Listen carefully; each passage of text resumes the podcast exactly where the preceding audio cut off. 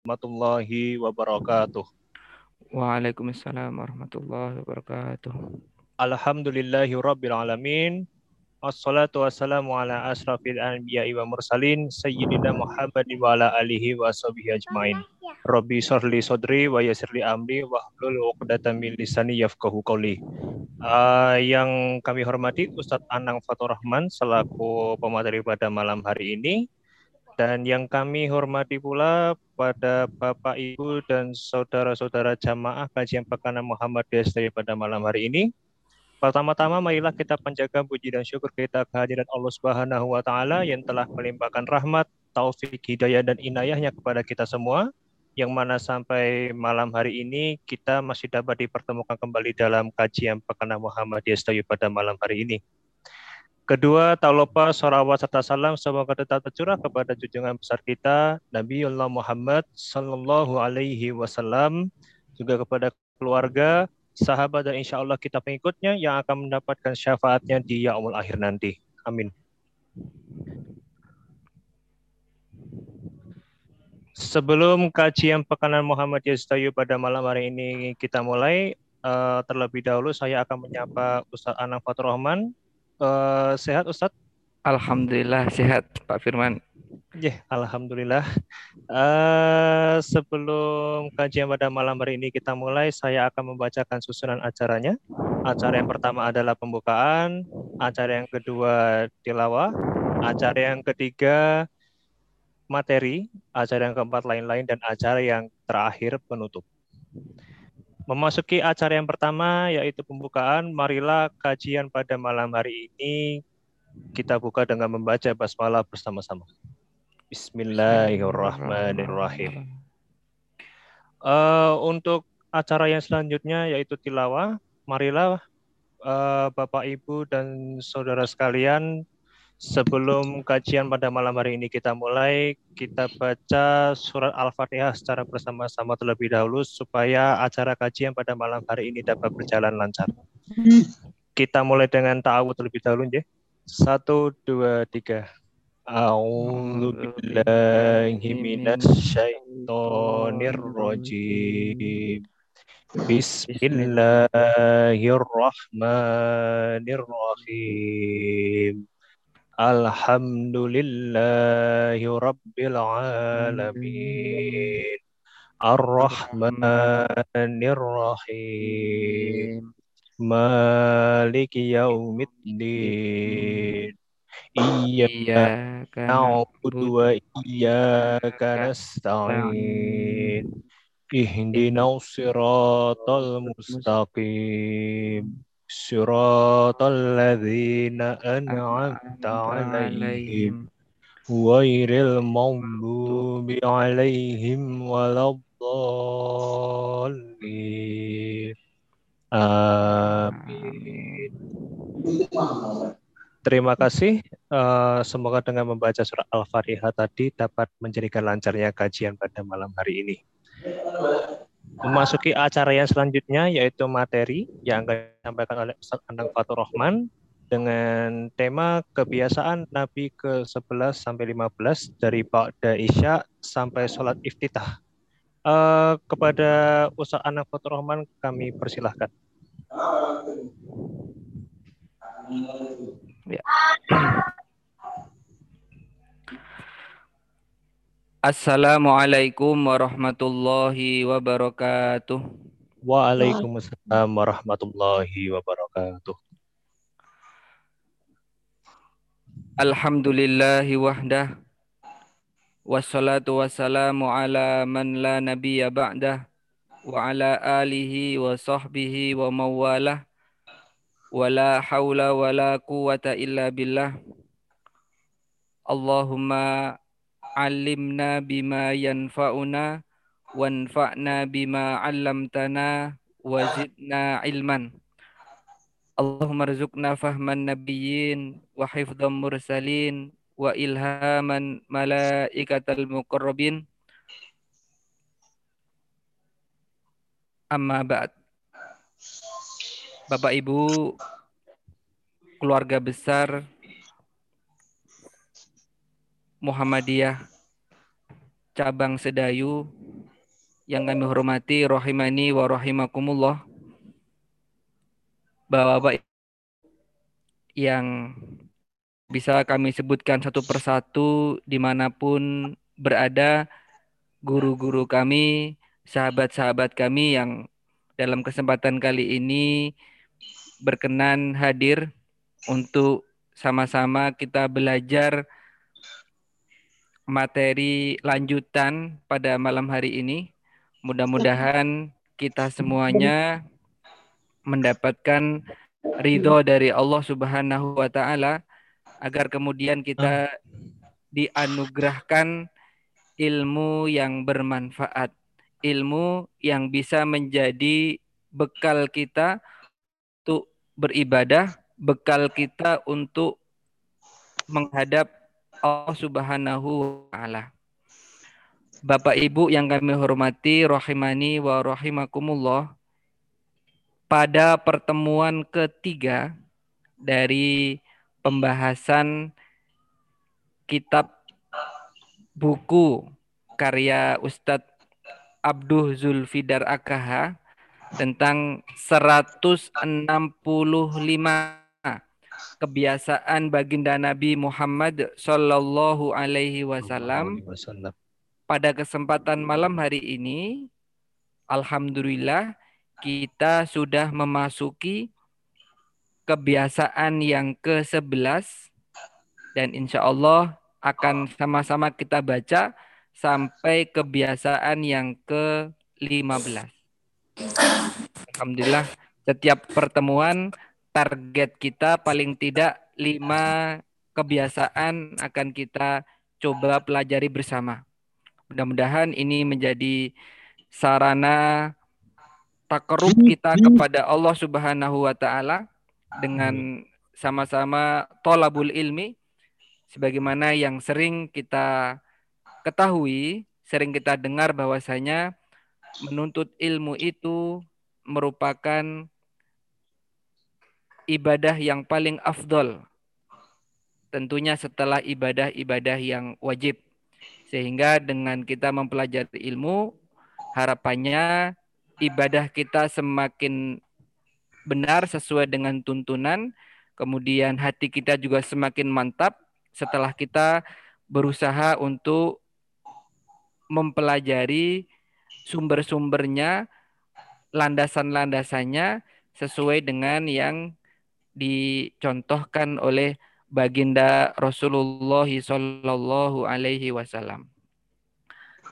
Bapak Ibu yang kami hormati, Rasulullah, kebiasaan yang ke-11 dari kebiasaan baginda Nabi Muhammad Shallallahu Alaihi Wasallam adalah mengakhirkan sholat isya sebagaimana yang sudah sering kita dengar bahwasanya sholat itu memiliki waktu-waktu yang sudah ditentukan oleh Allah seperti di dalam surah An-Nisa. Inna sholata kanat alal mu'minina kitabam mauquta sesungguhnya sholat itu waktu-waktunya sudah ditentukan oleh Allah Subhanahu wa taala bagi orang-orang yang beriman. Nah, di dalam hadis Bukhari Muslim kita mendapatkan satu informasi dari baginda Nabi Shallallahu alaihi wasallam ketika beliau ditanya, "Ayul a'mali ahabu ilallah?" Amal apakah yang paling dicintai oleh Allah? Rasulullah Shallallahu alaihi wasallam menjawab, "As-salatu ala waktiha." Salat tepat pada waktunya. Lalu kita menjadi bertanya-tanya, yang dimaksud dengan sholat tepat pada waktunya itu seperti apa? Apakah orang yang melaksanakan sholat, misalkan dari mulai masuk waktu sampai menjelang akhir dari sholat tersebut, atau menjelang akhir dari waktu batasan sholat tersebut, itu disebut dengan waktunya atau yang seperti apa. Dan alhamdulillah kita mendapatkan informasi pelengkap dari hadis riwayat Abu Dawud bahwasanya Rasulullah Shallallahu Alaihi Wasallam juga menyebutkan bahwasanya yang dimaksud dengan as-salatu ala waktiha itu adalah as-salatu fi awali waktiha. Salat di awal waktu. Ya, salat tepat pada waktunya itu artinya adalah salat di awal waktu. Nah, kita berusaha untuk menunaikan kewajiban-kewajiban kita, salat kita yang kita kerjakan secara berjamaah itu dikerjakan di awal waktu. tetapi ada beberapa pengecualian yang pernah dikerjakan oleh baginda Nabi Shallallahu Alaihi Wasallam seperti dahulu beliau Shallallahu Alaihi Wasallam melaksanakan sholat duhur sampai agak condong. Artinya ketika panas terik matahari sudah agak bergeser, tidak terlalu tepat di atas kepala manusia ketika sedang panas-panasnya agak bergeser ketika sudah mulai agak teduh sedikit. Nah, ini di waktu itu merupakan perbuatan Nabi dan para sahabat di zaman ketika eh, bangunan belum selengkap seperti di era kita saat ini. Saat itu bangunan Masjid Nabawi juga masih dari pelepah kurma. Kemudian juga belum memiliki atap seperti halnya di masa kita saat ini. Kemudian juga yang menjadi pembahasan kita di sini uh, di antara kebiasaan atau yang pernah dikerjakan oleh Nabi Shallallahu Alaihi Wasallam, beliau mengakhirkan sholat isya. Kita baca Bapak Ibu hadis dari sahabat Abu Barzah ini annan nabiyya sallallahu alaihi wasallam kana yastahibbu ayu akhiral isya'a allati tad'unaha al-atamah. Rawahu al-jamaah. Baginda Nabi Shallallahu alaihi wasallam beliau suka mengakhirkan. Yastahibbu ayu akhiral isya. Suka mengakhirkan sholat berjamaah isya itu alati tadaunaha al-atama yang disebut oleh para sahabat sholat isya itu sebagai sholat al-atama. Nanti kita akan coba mempelajari hadis ini riwayat al-jamaah. Nanti kalau Bapak Ibu barangkali belum pernah mempelajari mustalahul hadis dan mendapati hadis kok riwayatnya adalah al-jamaah, ini artinya hadis ini diriwayatkan oleh enam perawi utama. Siapa saja itu? Imam Bukhari, Imam Muslim, Imam Abu Dawud, Imam At-Tirmidzi, Imam An-Nasai, Imam Ibnu Majah dan Imam Ahmad bin Hambal. Hah? Oh.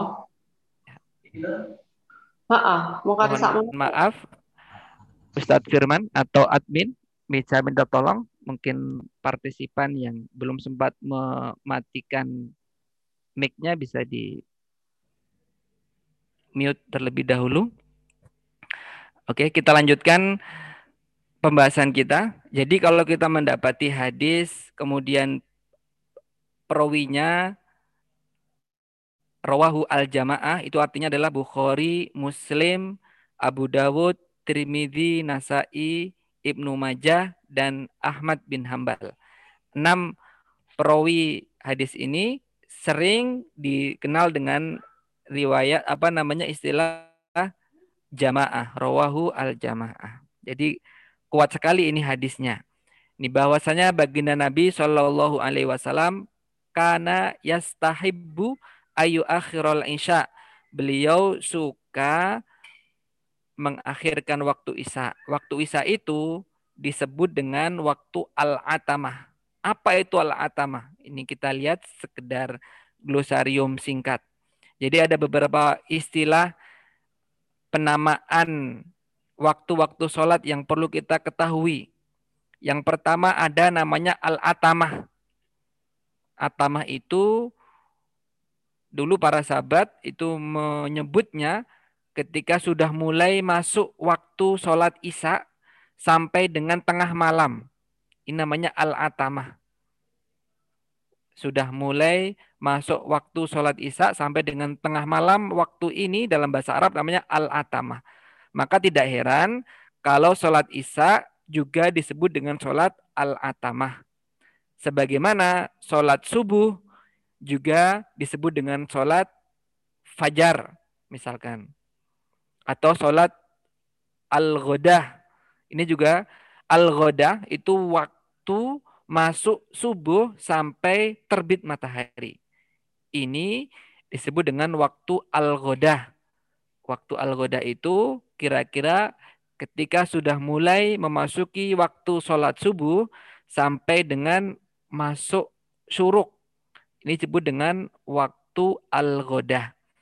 Kemudian juga ada istilahnya asyuruk. Ya, asyuruk itu adalah waktu ketika terbit matahari. Ya ketika mulai terbit matahari sampai datangnya waktu duha. Ini kan pendek sekali dengan ada keutamaan beberapa amalan di sana. Kemudian yang keempat adalah al-duha ini sudah sangat familiar sangat kita kenal. Orang juga sering melaksanakannya bahkan disebut dengan satu sholat sunnah, sholat duha. Karena dikerjakan di waktu setelah terbit matahari, setelah syuruk maksudnya. Sudah syuruk, kemudian tambah 15 menit, maka sudah mulai masuk waktu duha. Sampai menjelang masuknya waktu sholat duhur. Ada yang mengatakan kira-kira seperempat jam sebelum masuk waktu duhur itu masih bisa untuk melaksanakan sholat duha.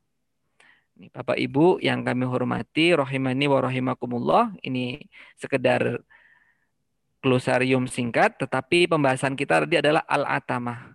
Jadi sholat isya itu juga disebut dengan sholat al-atamah. Sholat yang dikerjakan di waktu isya. Sudah mulai masuk waktu isya sampai dengan pertengahan malam. Kita lanjutkan hadisnya. Di dalam hadis riwayat At-Tirmidzi dari sahabat Abu Hurairah, Rasulullah Shallallahu alaihi wasallam beliau bersabda, "Laula an asyqa ala ummati la amartuhum ayu akhiru al insya'a ila sulusil laili au nisfihi." Sekiranya tidak memberatkan umatku, Sungguh aku akan perintahkan mereka, para sahabat, untuk mengakhirkan sholat isya hingga sepertiga atau pertengahan malam.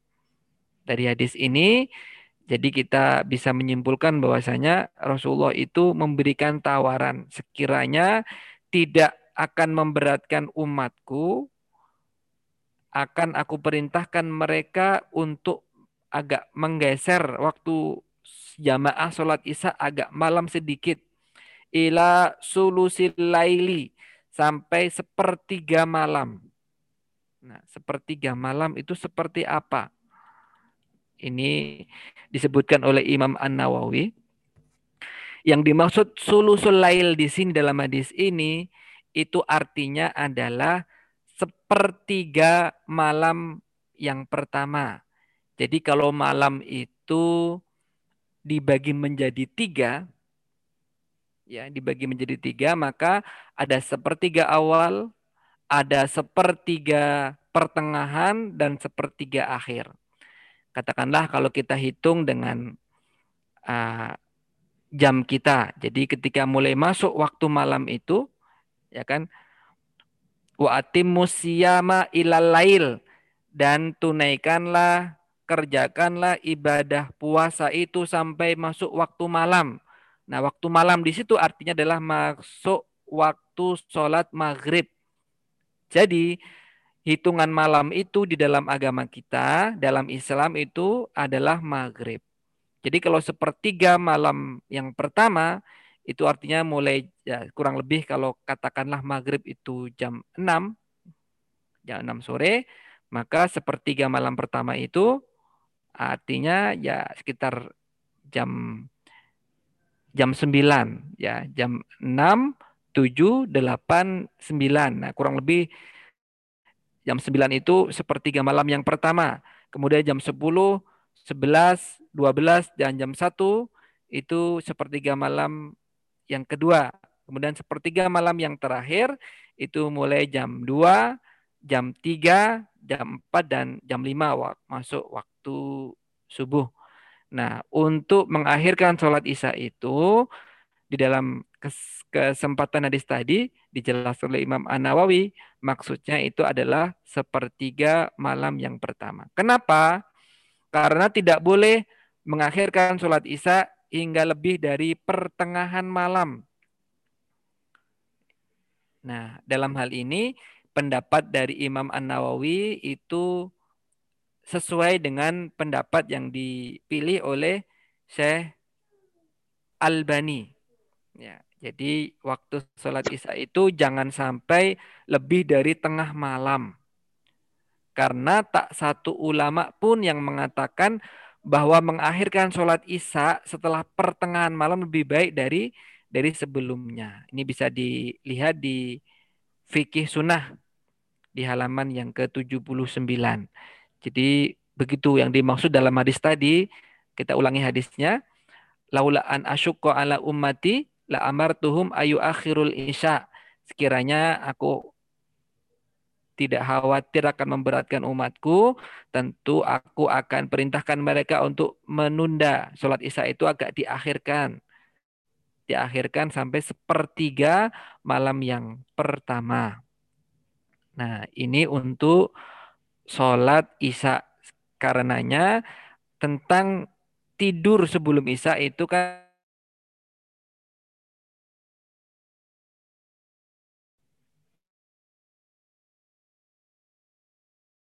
yukronaum qoblaha wal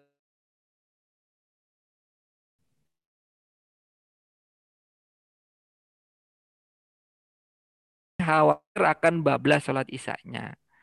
Tidak ditunaikan. Wal hadisu ba'daha. Begitu juga ngobrol yang tidak ada manfaatnya setelah isya itu juga dimakruhkan. Nah, berbeda jika ngobrol itu ada ibroh atau pelajaran penting atau pelajaran yang sedang kita pelajari tidak masalah. Tapi kalau ngobrol yang tidak ada manfaatnya maka itu dimakruhkan. Sehingganya uh, sepertiga malam yang pertama itu artinya adalah ya kurang lebih sampai jam 9 atau jam 10. Kita lanjutkan hadisnya Bapak Ibu. Ini selanjutnya dari sahabat Anas bin Malik. Beliau menceritakan bahwa baginda Nabi Shallallahu Alaihi Wasallam beliau mengakhirkan sholat isya sampai pertengahan malam ini. Akhiran Nabi Shallallahu Alaihi Wasallam al isya ila nisfil laili sampai pertengahan malam. Thumma sholla. Kemudian beliau melaksanakan sholat. Thumma qala. Kemudian beliau berkata, bersabda, Qad nas orang-orang yang lain sudah pada sholat wanamu dan mereka sudah tertidur di jam-jam ini. Amma innakum fi sholatin mantadortumuha. Adapun kalian senantiasa terhitung dalam pahala sholat selama kalian itu menunggu. Jadi ini kisahnya adalah ketika Rasulullah Shallallahu Alaihi Wasallam ada satu hajat keperluan tertentu, beliau tidak bisa segera untuk menunaikan uh, jamaah. Para sahabat yang di masjid itu menunggu, menanti Rasulullah dengan setia. Kadang mereka ada tertidur, kemudian bangun lagi, duduk lagi sampai menunggu. Nah, namanya intidor. Nah, selama orang itu dalam kondisi menunggu ikomah di dalam masjid, maka dia terhitung dalam kondisi atau mendapatkan pahala sholat. Maka ini amalan besar Bapak Ibu. Amalan besar yang jangan diremehkan. Yaitu menunggu waktu ikomah itu. Orang itu ketika di dalam masjid menunggu waktu sholat berikutnya atau menunggu dikumandangkannya ikomah, meskipun dia duduk, tapi dia mendapatkan pahala seperti orang yang sholat. Ya. Seorang itu akan dihitung mendapatkan pahala sholat selama dia masih menunggu untuk melaksanakan sholat. Mazal ahadukum fi sholatin sholat. Selama kita ini dalam kondisi menunggu untuk ditunaikanlah ibadah sholat, maka kita mendapatkan pahala sholat itu tersendiri. Ini hadis riwayat Bukhari. Jadi penting sekali kita memiliki amalan-amalan tersebut. Bagi kita Bapak Ibu yang ingin memiliki target-target amalan-amalan akhirat, ini kita bisa memanfaatkan waktu-waktu untuk menunggu untuk menunggu ikomah dikumandangkan mungkin menunggu imam hadir atau menunggu siapa yang belum hadir, belum lengkap, itu bisa digunakan untuk menyempurnakan sholat-sholat rawatib qobliyahnya atau bisa digunakan untuk tilawah Al-Qur'annya. Andaikan kita membuat misalkan uh, menunggu sholat subuh satu lembar, menunggu sholat duhur satu lembar, sholat asar, maghrib sudah lima lembar. Andaikan itu di lembar bolak-balik maka sudah satu juz kita bisa mendapatkan atau setengah juz sesuai dengan target masing-masing atau bahkan yang tidak memiliki target yang besar katakanlah cuma satu dua ayat andaikan setiap sebelum sholat dikumandangkan kita baca dulu itu sudah berapa ayat yang bisa kita yang kita baca. Ini kesempatan pertama kita mendapatkan pahala seperti orang yang sholat. Yang kedua ini kesempatan kita untuk banyak mengisi amalan-amalan akhirat kita. Bisa dengan memperbanyak sholat sunnah atau qobliyah atau sholat tahiyatul masjid atau bisa juga dengan melakukan membaca Al-Quran, tilawatul Quran. Ini juga bisa dimaksimalkan waktu-waktu menunggu itu. Kemudian ini Dr. Mustafa Dib Al-Bugha, beliau menyebutkan begini, Salat di awal waktu adalah yang lebih rutin dikerjakan oleh Rasulullah Shallallahu Alaihi Wasallam dan hanya sesekali beliau mengakhirkannya. Namun demikian, orang yang berada di masjid menanti sholat berjamaah, ia mendapatkan pahala penantian sholat. Karena menanti sholat adalah ibadah yang pahalanya seperti orang yang sholat. Ya. Pahalanya seperti orang yang sholat. Tapi belum gugur kewajibannya. Nanti jangan sampai malah salah pemahaman, ah kalau begitu saya nggak usah sholat, cukup menunggu saja. Bukan ini pahalanya seperti orang yang sholat, tetapi kewajiban untuk menunaikan sholat belum gugur ketika belum menunaikan ibadah sholat itu tersendiri. Nah, di hadis yang lain disebutkan kenapa Rasulullah Shallallahu Alaihi Wasallam itu beliau apa namanya mengakhirkan sholat isaknya itu dari hadis Ibnu Umar radhiyallahu anhu. Nah, disebutkan bahwa suatu malam Rasulullah Shallallahu Alaihi Wasallam syughila anha laila. Beliau disibukkan di suatu malam dengan satu urusan. Hatta rokotna fil masjid. Ini para sahabat bareng luar biasa. Mereka menunggu di masjid sampai ketiduran. Tumma kotna. Kemudian kami bangun lagi. Tumma rokotna. Kemudian tertidur lagi. Tumma kotna. Kemudian kami bangun lagi. Thumma kharaja alaina Rasulullah sallallahu alaihi wasallam. Kemudian Rasulullah hadir. Sudah mulai larut malamnya. Thumma qala. Kemudian beliau bersabda. Laisa ahadun min ahlil ardi al-lailah yantadirus salata ghairukum. Tidak ada seorang pun penghuni bumi malam ini yang menunggu-nunggu waktu sholat selain kalian. Maksudnya orang-orang sudah pada tidur, kalian masih menunggu untuk melaksanakan sholat isya. Jadi bisa diambil kesimpulan Rasulullah itu mengakhirkannya karena satu alasan tertentu, satu kebutuhan. Jadi kalau kita memang tidak ada alasan tertentu ya lebih baik kita tunaikan tetap di awal waktu sesuai dengan keumuman hadisnya. Itu kebiasaan yang pertama. Kemudian kebiasaan yang kedua yang menjadi kebiasaan dari baginda Nabi Shallallahu Alaihi Wasallam, beliau memanjangkan rokaat pertama, maksudnya memanjangkan surat-surat yang dibaca di rokaat yang pertama dan memendekkan pada rokaat yang kedua. Ini hadisnya panjang, tidak bisa kita cantumkan satu layar. Nanti insya Allah bisa dibaca sendiri.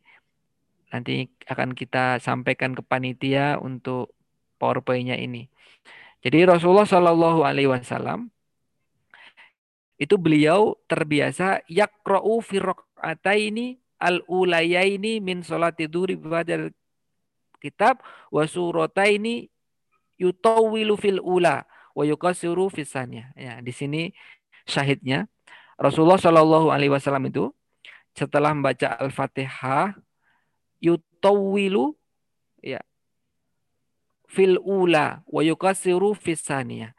Rasulullah Shallallahu alaihi wasallam beliau terbiasa di rokaat yang pertama itu dipanjangkan suratnya Kemudian rokaat yang kedua itu dipendekkan. Dan demikian juga dalam sholat-sholat yang lainnya. Di sini sudah kita cantumkan bahwa Rasulullah Shallallahu Alaihi Wasallam membaca di sholat duhur setelah al-fatihah dan dua surah belum memanjangkan rokaat pertama dan mendekkan pada rokaat yang kedua. Apa alasannya? Di sini sangat jelas. Ya, Syekh Sayyid Sabik Beliau menyebutkan begini, disyariatkan bagi imam agar memanjangkan rokaat pertama. Fungsinya apa? Untuk menunggu orang yang akan masuk supaya ia tetap mendapatkan keutamaan jamaah. Ya kan? Supaya yang datang itu juga masih mendapatkan rokaat yang pertama. Jadi ini disyariatkan bagi imam agar memanjangkan rokaat pertama ini untuk menunggu orang yang terlambat. Ya, orang yang terlambat. Orang yang terlambat supaya bisa mengikuti jamaah tersebut, tidak tertinggal. Ya. Ada istilahnya ada masbuk, orang yang tertinggal sholatnya. Ya. Kemudian sebagaimana disukai agar imam memanjangkan rukuknya. Apabila ia merasa ada orang yang datang hendak ikut berjamaah dengan kita. Kita tahu ada crack pintu masuk atau bagaimana imam itu mendengar ada orang yang masuk ingin ikut sholat maka dianjurkan bagi imam untuk memperlama rukuknya. Jadi kalau kita cuma membaca misalkan subhanakallahumma rabbana wa bihamdika allahumma gfirli katakanlah bisa dibaca lebih dari sekali sambil menunggu jamaah yang baru datang atau yang membaca subhana rabbiyal a'la subhana rabbiyal adim ya itu juga bisa di dibaca lebih dari satu lebih dari tiga sambil menunggu jamaah yang datang kan man adrokar rokah ya fakot apa namanya man adrokar ruku fakot adrokar rokaah. Barang siapa yang mendapati imam masih ruku, maka dia mendapati satu rokaat. Jadi kalau kita dapati imam ruku, ya kita sekedar Allahu Akbar kemudian ikut ruku. Maka kita sudah terhitung satu rokaat. Ya, jadi tidak perlu lagi kita me kehilangan satu rokaat tersebut. Atau ketika imam sedang duduk tasyahud akhir. Nah, ini juga bisa ini. Dipanjangkan doanya sambil menunggu jamaah yang kira-kira terlambat baru baru masuk agar tidak kehilangan keutamaan sholat berjamaah. Bahkan sesungguhnya kalau orang itu sudah memiliki niat untuk berjamaah, sekalipun sudah kehabisan kehabisan uh, salam pun insya Allah tetap mendapatkan keutamaan. Satu hadis yang uh, belum sempat kita cantumkan di situ, ya diriwayatkan oleh Abu Dawud, man tawaddo'a fa ahsanal wudu. Ya. Kemudian ada yang mengatakan man tawaddo'a fi baitihi, barang siapa yang berwudu di rumahnya. Kemudian fa ahsanal wudu, menyempurnakan wudunya, summa roha ilal masjidi. Kemudian dia berangkat ke masjid. Fawajadan nasa qad sallu. Dia dapati di masjid sudah salam. Orang sudah pada salam, sudah selesai, sudah bubar. Kata Kataballahu lahu misla ajri man hadoroha. Maka Allah akan memberikan pahala baginya seperti orang yang sudah sholat. Ini bukan motivasi kita untuk terlambat, bukan. Tetapi ini uh, tetap keutamaan jamaah itu sangat besar sekali. Bahkan bagi orang yang karena suatu udur tertentu, misalkan tiba-tiba dia sakit perut ketika akan ke masjid, nah, kemudian dia harus buang hajat dulu, kemudian ketika sampai masjid kok sudah habis sholatnya, kemudian dia sholat sendiri, maka dia tetap mendapatkan keutamaan jamaah karena sudah meniatkan untuk mengikuti jamaah sejak di awalnya. Ini kebiasaan yang kedua. Nabi itu biasa memanjangkan rokaat yang pertama, surat-suratnya, kemudian memendekkan di rokaat yang kedua untuk surat-suratnya. Seperti misalkan kalau Ba'diyah Maghrib atau Qobliyah Subuh, itu kan biasanya sholatnya membaca Al-Kafirun, yang kedua Al-Ikhlas. Jadi agak panjang kemudian lebih pendek dan begitu seterusnya. Kemudian selanjutnya Bapak Ibu yang kami hormati rohimani wa rahimakumullah, kebiasaan Nabi yang ke-13. Ya. Beliau selalu melaksanakan sholat malam. Selalu melaksanakan sholat malam. Rasulullah Shallallahu Alaihi Wasallam beliau ini menjadi kebiasaan Nabi. Ya, perintah dari Allah Subhanahu Wa Taala kepada baginda Nabi Shallallahu Alaihi Wasallam adalah senantiasa melaksanakan sholat malam karena Nabi itu merupakan orang yang paling besar ujiannya, ujian kehidupannya, orang yang paling berat tanggungannya itu memang harus dikuatkan pijakan kakinya agar kokoh. Ya. Asyaddu wat'an wa aqwa mukila. Ya kan memang pijakannya itu harus dikuatkan. Makanya Allah Subhanahu wa taala dalam surah Al-Isra ini beliau Allah Azza wa Jalla berfirman wa minal laili dan di sebagian malam ya kan wa minal laili di sebagian malam, maksudnya bukan seluruh malam. Ini kan memang ada hak malam kita tetap harus untuk istirahat. Ini kan wa minal laili dan dari sebahagia sebahagian malam. Bukan semalam suntuk bukan. Allah pinta itu dari sebagian malam itu fatahajjat bihi. Salatlah tahajud nafilatan lak sebagai ibadah tambahan. Nah, kata nafila itu yang pernah kita kaji sebelumnya ada dua makna. Yang pertama itu sebagai ibadah sunnah tambahan, yang kedua sebagai kemuliaan. Ya. Satu kemuliaan. Jadi ini ibadah sunnah tambahan yang memiliki kemuliaan yang sangat tinggi bagi orang-orang yang mengharapkan kemuliaan. Asa ayaba ka rabbuka maqamam mahmuda. Niscaya atau mudah-mudahan Robmu Allah Subhanahu wa taala akan mengangkat kamu ke tempat yang terpuji di dunia maupun di akhirat. Nah, kita belajar dari ayat ini banyak hal bahwa perintah itu diperintahkan kepada baginda Nabi dan juga akan diteladani oleh umatnya jadi kita yang mencintai Nabi, maka kita berusaha untuk meneladani Nabi untuk selalu melaksanakan sholat malam. Bahkan Nabi itu bagi Nabi ini ya harus ditunaikan. Ya. Bahkan beliau kadang-kadang kalau sampai terlewat kok nggak sholat malam, beliau ganti di siang hari. Karena Nabi itu sangat ingin betul menjaga sholat malamnya. Nih, dari Aisyah radhiyallahu anha disebutkan bahwa kana yakumu minal laili hatta tatafattar qadamahu. Rasulullah Shallallahu alaihi wasallam itu senantiasa karena yakumu ini kan karena kemudian ketemu dore ini menunjukkan arti selalu sering bahkan sholat malam hatta tatafattor kodamahu sampai kaki beliau itu bengkak-bengkak.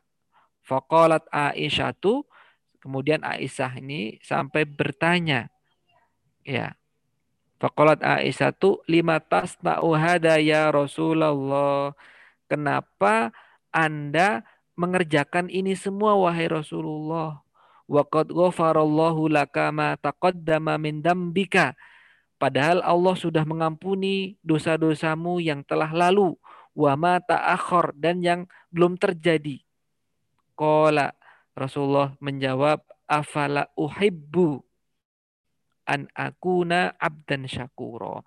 Apa aku tidak boleh atau jika ingin menjadi hamba yang bersyukur.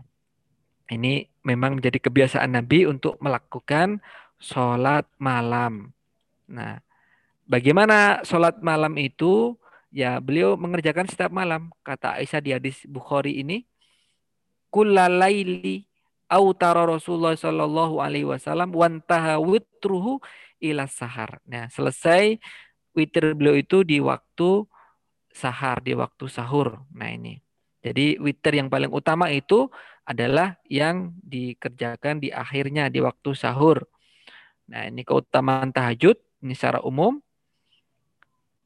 Inna fil laili la sa'atan la yuwafiquha rajulun muslim yas'alullaha khairan min amri dunya wal akhirah illa a'tahu iyahu wa dzalika kulla lailah. Sesungguhnya di waktu malam itu terdapat satu masa, satu waktu di mana tidaklah seorang muslim yang mendapati waktu itu lalu ia memohon kebaikan kepada Allah, baik itu kebaikan urusan dunia kita maupun lebih-lebih urusan akhirat, melainkan Allah pasti akan mengabulkannya. Demikian itu terjadi setiap malam. Maka kita mencari itu di setiap malam untuk memohon Eh, kebaikan-kebaikan dunia dan akhirat kita. Bagaimana waktu sholat Nabi? Di sini dipotret dari hadis riwayat Ahmad ini dipotret Anas pernah ditanya. Jadi Anas itu kan memang sejak kecil selama 10 tahun itu tinggal di rumah Nabi sama ibu beliau itu diberikan ke Nabi Anas ini supaya membantu Nabi menjadi pembantu Nabi selama 10 tahun itu tinggal di rumah Nabi. Maka benar-benar Anas ini bisa melihat apa namanya praktek Nabi sehari-hari karena 10 tahun tinggal di rumah Nabi Shallallahu alaihi wasallam. Maka suila Anas an salati Rasulillah Shallallahu alaihi wasallam. Anas bin Malik radhiyallahu anhu tentang salat malamnya Rasulullah Shallallahu alaihi wasallam. Faqala beliau mengatakan ma kunna nasya an narahu minal laili musallian illa ra'ainahu. Nah, apabila kami ingin melihat beliau sholat, maka kami akan mendapati beliau sedang sholat. Wa ma kunna nasya an narahu naiman illa ra'ainahu. Nah, kalau kami ingin melihat beliau sedang tidur, maka kita dapati beliau sedang tidur. Wa kana yasumu minasyahri hatta nakula la yuftir minhu syai'an. Nah, kadang-kadang dalam hal puasa juga beliau kok seperti puasa terus sampai-sampai seperti tidak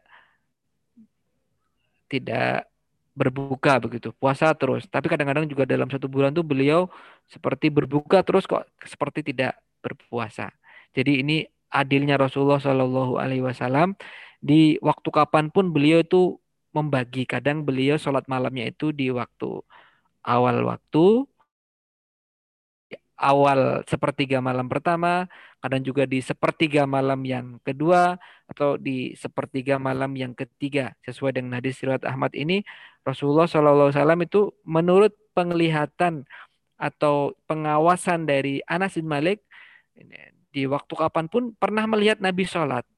Baik di awal malam, di tengah malam maupun di akhir malam, Nabi pernah melaksanakan sholat. Di selebihnya sebaliknya juga Nabi didapati pernah tidur di awal malam atau tidur di pertengahan malam juga tidur di di akhir di akhir malam. Ini mungkin sebagai penjelas lagi. Ini kalau sekarang Aisyah yang ditanya, ini istri beliau langsung yang ditanya. Ini kan kalau Anas tadi serumah tapi tidak sekamar kan? Tentunya kan begitu. Tapi kalau ini sekamar langsung dengan baginda Nabi. Nah, Kaifa kanat salatun Nabi Shallallahu alaihi wasallam bilail. Ini kalau Aisyah ditanya bagaimana salat Nabi? Ini menurut Aisyah karena yanamu awalahu. Beliau tidur di awalnya. Di awal malam beliau tidur. Jadi pada Aisyah langsung tidur begitu.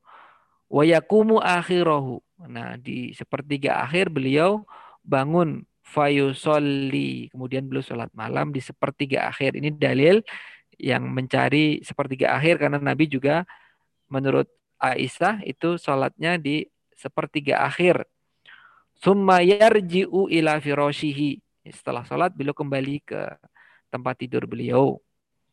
Ya, faida al muadzin apabila muadzin sudah mengumandangkan adzan wasaba beliau bersegera.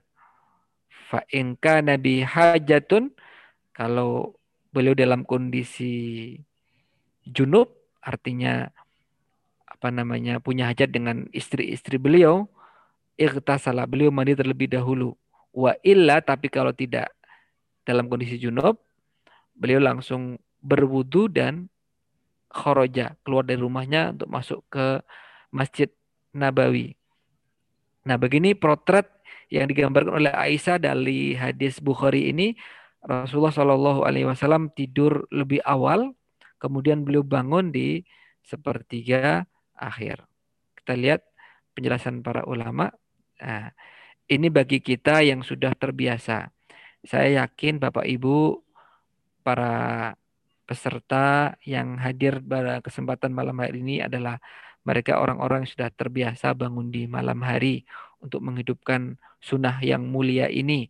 Tapi bagi kita yang belum terbiasa, mungkin karena satu kesibukan tertentu atau karena satu alasan yang lainnya kita tidak uh, bisa, maka sesungguhnya sholat malam itu tetap bisa dikerjakan kok, meskipun tidak di akhir malam. Kita ini sibuk karena aktif di organisasi atau aktif di lembaga sosial, aktif di ketakmiran ataupun di mana pun, kita bisa memanfaatkan waktu awal malam. Ini Rasulullah Shallallahu Alaihi Wasallam belum pernah berpesan kepada Abu Hurairah radhiyallahu anhu, kemudian Abu Darda radhiyallahu anhu agar sholat malamnya lebih dulu, maksudnya sebelum tidur, ya kan? Kalau yang diingat-ingat oleh Abu Hurairah adalah Ausoni Khalili Sallallahu Alaihi Wasallam. Kekasihku Rasulullah Sallallahu Alaihi Wasallam. Beliau itu apa namanya mau berwasiat tiga hal kepadaku. Yang pertama waan utir apa namanya wa an asuma salah hata ayam mengkuli syahr agar saya berpuasa tiga hari setiap bulan. Ini pahalanya seperti puasa sunnah sebulan. Nah, puasa bid. Kemudian warok atayid duha dan dua rakaat sholat duha paling tidak batas minimal. Kemudian yang ketiga wa an utiro qabla an arkuda agar aku uh, melaksanakan sholat witir sebelum sebelum tidur. Nah, ini kalau sudah sholat witir sebelum tidur, maka ya sudah terhitung sebagai sholat sholat malam. Jadi biasakan Bapak Ibu kalau kita yang belum terbiasa bangun di pertengahan malam atau belum bisa bangun di malam hari untuk sholat malam, ya jangan terus lantas ditinggalkan sholat malam itu. Tunaikan saja setelah isya langsung. Setelah isya langsung. Ya. Seperti ini di Faidul Jari. Ini disebutkan juga sahabat Muawiyah radhiyallahu anhu. Beliau melakukan sholat witir satu rakaat setelah isya. Sholat isya bisa dia langsung satu witir satu rakaat. Ini pernah ada yang komplain, ini lihat Muawiyah kok demikian. Lalu disampaikan ke sahabat Abdullah ibnu Abbas. Wahai ibnu Abbas, itu gimana itu Muawiyah? Itu sholat witir satu rakaat setelah isya. Itu kebiasaannya begitu, kebiasaan Muawiyah. Apa kata Ibnu Abbas? Da'hu, biarkan saja. Innahu fakih. Dia orang yang fakih, paham agamanya dia. Ya, beliau sahibah Rasulullah Shallallahu Alaihi Wasallam sudah lama menjadi sahabat Nabi Shallallahu Alaihi Wasallam. Tentu kalau ada kesalahan pasti ditegur oleh Nabi. Berarti itu sesuatu yang diperbolehkan. Jadi sholat witir satu rakaat saja ini kebiasaannya Muawiyah radhiyallahu anhu. Kita tahu beliau nanti akhirnya kemudian jadi gubernur, jadi khalifah, jadi kesibukan luar biasa, tetap beliau tidak meninggalkan sholat witir. Jadi satu rakaat. Bapak Ibu, ini perlu kedalaman dalam mencermati ini. Jadi biasakanlah sesuatu itu secara rutin. Meskipun hanya sedikit. La khaira fi kathirin la yadum. Tidak ada kebaikan dalam kebaikan yang tidak berkesinambungan. Kita bisa satu rakaat saja tapi terus setiap malam itu lebih baik daripada kita 11 rakaat katakanlah tapi hanya sesekali atau dua kali. Nah, ini menjadi penting perhatian kita bagi kita yang belum terbiasa untuk melaksanakan sholat malam, jangan terus ditinggalkan ibadah mulai tersebut. Paling enggak biasakan witir, witir sebelum uh, sebelum tidur atau enggak yang paling mudah setelah sholat isya lah. Isya, dia kemudian sholat witir. Meskipun satu rakaat. Itu sudah terhitung kita ini sebagai hamba Allah yang menunaikan sholat di malam hari. Karena sholat malam itu waktunya kan panjang. Mulai ba'da isya sampai subuh tiba. Ya, ba'da isya sampai subuh ini waktu sholat malam sangat panjang. Kita milih mana? Mau milih di awal malam di pada isya langsung sampai jam 9 atau di sepertiga malam yang kedua jam 10 sampai jam 1 katakanlah atau sepertiga malam yang ketiga jam 2 sampai subuh. Nah, ini bisa-bisa saja kita kita milih itu. Bagi kita yang kita rahimallahu mra'an arafa qadra nafsihi. Semoga Allah merahmati orang yang paham terhadap kondisi dirinya sendiri wah saya ini nggak mampu ya karena saya ini sibuk berdagang, saya ini sibuk kegiatan eh, kegiatan-kegiatan sosial sehingga saya nggak bisa melaksanakan sholat di malam hari, nggak bisa bangun kecuali azan subuh misalkan. Ya sudah, kerjakan sholat itu di malam hari, di awal malam, setelah isya langsung. Nanti kalau sudah keluar dari masjid mungkin uh, sudah banyak urusan. Nah makanya kerjakan langsung sholat witir. Ini saya sering ulang-ulang Bapak Ibu agar kita tidak ketinggalan sholat malam meskipun kita di awal malam bagi kita yang belum terbiasa. Lalu pertanyaannya gimana nanti kalau ternyata kita sudah sholat witir dan nanti kita bangun di malam hari kan eman-eman. Nah, yang pertama la witroni fi lailatin. Ya, tidak ada dua witir dalam satu malam. Kalau kita sudah kan sholat. Ini seperti yang dikerjakan oleh sahabat Mu'ad bin Jabal. Ini bisa dilihat di hadis An-Nasai nomor 826. Jadi Mu'ad bin Jabal itu um, beliau sholat bersama Nabi. ya. Kemudian setelah itu beliau pulang ke kaumnya, pulang ke kabilahnya menjadi imam di sana lagi, mengimami lagi. Ya, mengimami lagi. Kenapa? Karena orang yang paling baik bacaannya itu adalah Mu'ad. Sehingga dia mengulangi sholatnya menjadi imam lagi. Padahal tadi udah ikut bersama Nabi. Nah begitu sholat witir beliau mundur. Loh, Muat kenapa kok mundur? Nah, tadi saya sudah ikut sholat bersama Rasulullah Shallallahu Alaihi Wasallam. Jadi begitu Bapak Ibu, boleh seseorang yang sudah witir sebelum tidur nanti bangun sholat malam lagi nggak apa-apa. Yang penting tidak witir lagi. Witirnya cukup sekali saja semalam. Andaikan cuma witir saja, satu rokaat misalkan, atau satu rokaat, tiga rokaat, terserah kita bisa memilih jumlah yang ganjil. Nanti kalau kita kodarullahnya bablas sampai subuh, ya kita sudah terhitung sholat malam. Tapi kalau nanti alhamdulillah ada kesempatan bangun masih jam tiga setengah empat masih ada waktu. Nah ini bisa digunakan untuk tambahan sholat sholat lail tersebut. Tapi sudah tidak usah dikerjakan witir lagi karena tidak ada dua witir dalam satu malam. Kemudian kebiasaan yang ke-14. Kebiasaan yang dibiasakan oleh Nabi Shallallahu alaihi wasallam itu adalah beliau menggosok gigi apabila bangun di malam hari dari Hudzaifah Ibnul Yaman karena Nabi Shallallahu Alaihi Wasallam idza qoma minal laili yashu sufahu bisiwak. Jika Nabi Shallallahu Alaihi Wasallam bangun di malam hari, beliau membersihkan mulutnya dengan siwak. Beliau membersihkan mulutnya dengan dengan siwak. Ini kebiasaan Nabi. Bangun tidur tuh langsung bersiwak. Beliau bersiwak. Ini secara umum anjuran bersiwak itu apa? Ini anjurannya Nabi juga sama ini, kalimatnya juga sama, laulaan asyukku ala umati. Sekiranya tidak khawatir memberatkan umatku, la tuhum bisiwak. Tentu aku akan perintahkan mereka untuk bersiwak ma'akul li sholah. Setiap kali akan sholat. Jadi siwak dulu. Ya, siwak dulu sebelum sholat. Ini keutamaan yang sangat baik. Keutamaannya apa? Karena siwak itu adalah matharatun lil fammi akan menjadikan mulut kita ini menjadi bersih, menjadi wangi. Mardotun lirrobbi akan mendatangkan keridoan Allah.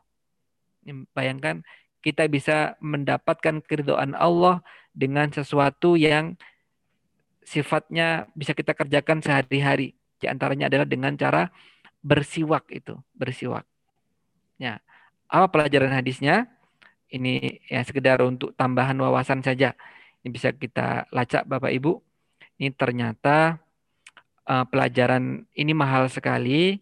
Kenapa? Karena Rasulullah Shallallahu Alaihi Wasallam itu mencontohkan bersiwak ketika bangun tidur itu bukan di era kita, bukan di zaman kita. Itu bayangkan 14 abad yang lalu Rasulullah sudah mencontohkan kebersihan mulut dan gigi itu. Nah, bisa dilihat ini misalkan peradaban Eropa katakanlah.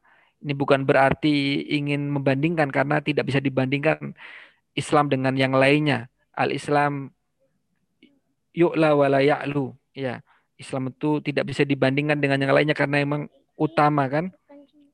Ya, tidak bisa dibandingkan. Ini kita lihat misalkan pada tahun 1683. 1683 dinasti Utsmaniyah apa namanya eh, menguasai Konstantinopel, kemudian di daratan Eropa ini membangun 1400 toilet. Ketika tak satu WC pun ditemukan di seantero Eropa saat itu. Nih, ingat 1683 di Eropa saat itu belum ditemukan toilet. Apalagi kalau urusan toilet saja itu mereka belum belum tahu dan belajar banyak dari Islam, maka sesungguhnya Islam itu sudah 14 abad yang lalu itu sudah mengajarkan sesuatu yang luar biasa, yaitu bersiwak. Nah, menurut Ibnu Dakik Al-Aid bahwa yang dimaksud siwak itu artinya uh, suatu istilah yang menunjukkan makna perbuatan bentuk katanya adalah dalam bahasa Arab isim masdar siwak. Ya, ya asiwak. Siwak membersihkan. Nah, Imam An-Nawawi itu mengartikan siwak itu artinya apa toh? Apakah siwak itu harus dengan menggunakan kayu arok seperti uh, orang Arab itu? Nah, ini artinya begini. Isti'malu menggunakan kayu ranting, kayu tertentu untuk atau semisalnya untuk gigi li izalatil wasah untuk membersihkan kotoran. Ya, ini maksudnya begitu. Kata Imam An-Nawawi maksudnya si waktu adalah membersih, baik menggunakan ranting, kayu ataupun semisalnya, oh, semisalnya untuk membersihkan gigi kita, membersihkan kotoran di gigi kita. Disebut dengan dengan siwak. Jadi siwak itu aktivitas menggosok gigi dan bukan hanya terbatas pada penggunaan kayu atau ranting tertentu. Meskipun ada keutamaan jika kita bisa memiliki kayu arok karena ada zat enzim tertentu yang sangat bagus untuk gigi seseorang.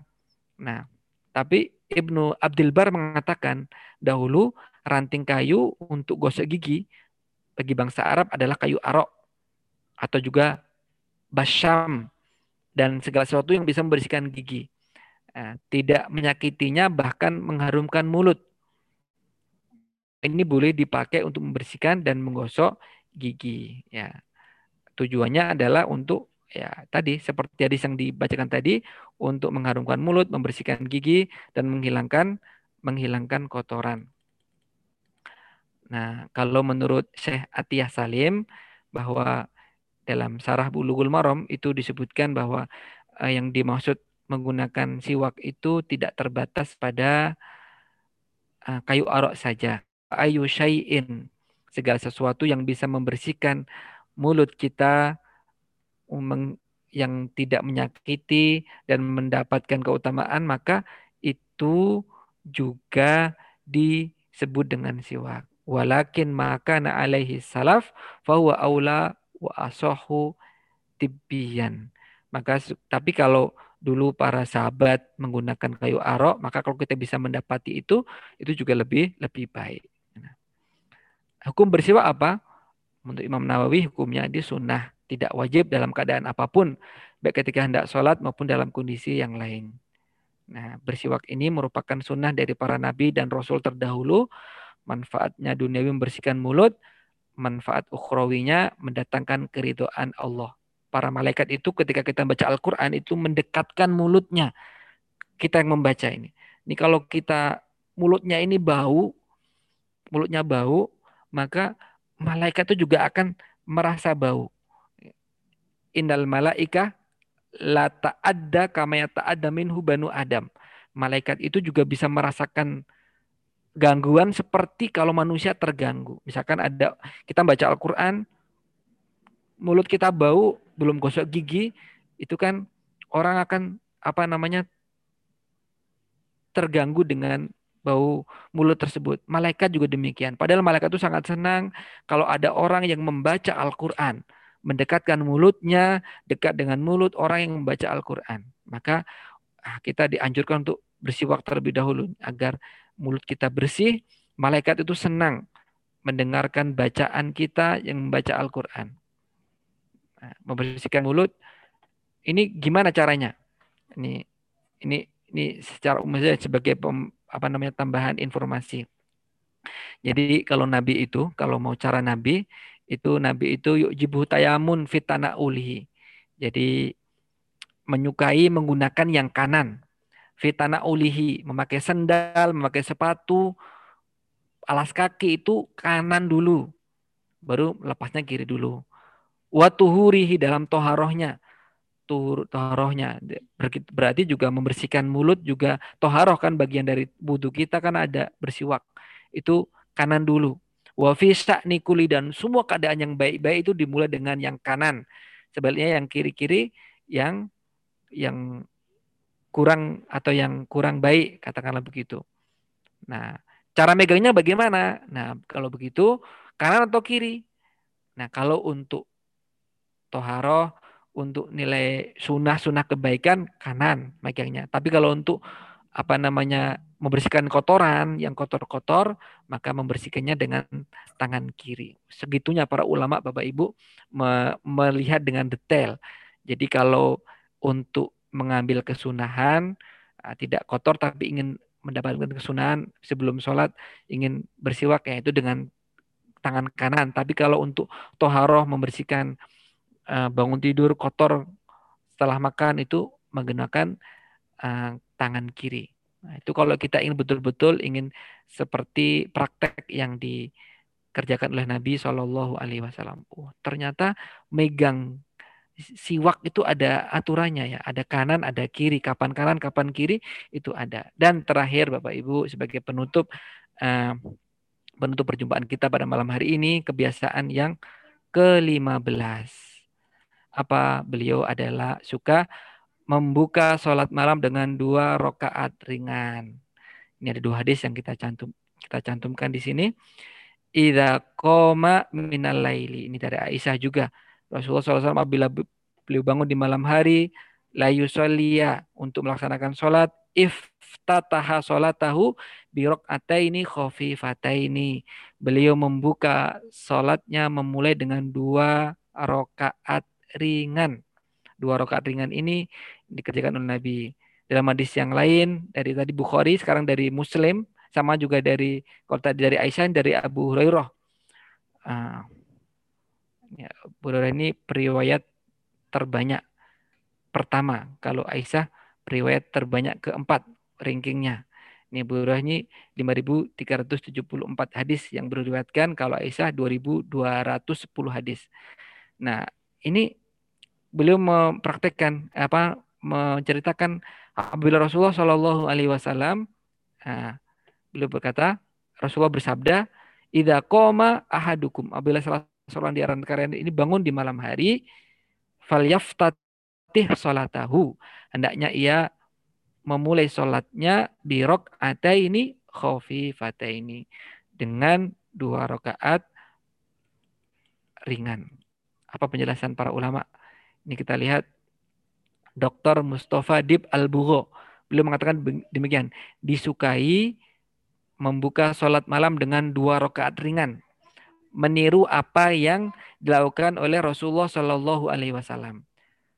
Nah, selain itu, sholat dua rakaat ringan ini juga berguna, berfungsi untuk menghilangkan bekas rasa kantuk, menghilangkan bekas rasa kantuk dan keletihan setelah tidur ia juga dapat membuat seorang lebih bersemangat untuk mengerjakan sholat malam dengan sempurna. Ini sebagai warming up, pemanasan untuk sholat malam kita itu dengan dua rakaat, rakaat yang ringan. Kenapa?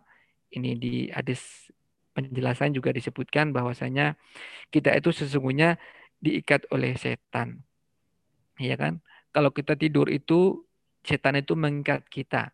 Ida nama ya apa namanya ya kidus syaitonu ala kofiyati roksi ahadikum setan itu mengikat kita dengan tiga ikatan setiap malam idza huwa nama ketika tertidur salah sauqadin tiga ikatan yadribu kulla uqdatin alaika lailun tawil nah setiap ikatan tuh setan itu apa namanya memberikan rayuan. Udah ini malam ini malam ini malam yang panjang. Farkut tidur saja, nggak usah bangun. Udah malam ini malam yang panjang, nikmati malammu. Kamu sudah lelah seharian, sudah sekarang saatnya istirahat, saatnya kamu apa namanya memanfaatkan mengambil jatah tubuhmu untuk istirahat. Ini setan itu menggoda kita. Fa ini kodo apabila kita bangun. Fadakarullah. Yang pertama kita bangun kemudian ingat kepada Allah. Alhamdulillahilladzi ahyana ba'da ma amatana wa ilahin nusri. Alhamdulillah ya Allah dikembalikan masih bisa bangun, masih bisa uh, apa namanya? ingat masih bisa dikembalikan di dunia ini. Ya kan karena orang yang tidur itu kan dipegang nyawanya oleh Allah. Orang dipegang nyawanya Allah. Yang dipegang nggak kembali itu yang meninggal. Kalau yang di wayur sirul ukhro, yang lainnya dikembalikan berarti diberi kesempatan untuk hidup di hari itu. Maka Ah, terlepas ikatan pertama. In halat ukdatun. Fa in tawaddoa, kemudian apabila dia berwudu, setelah itu in halat ukdatun. Kemudian dia juga terlepas ikatan yang kedua. Fa in sholla. Nah ini ini jadi penguat. Kemudian jika dia kemudian sholat. Nah sholat ini bisa disebutkan dengan sholat khafifah tadi sebagai pembuka dari sholat-sholat malamnya.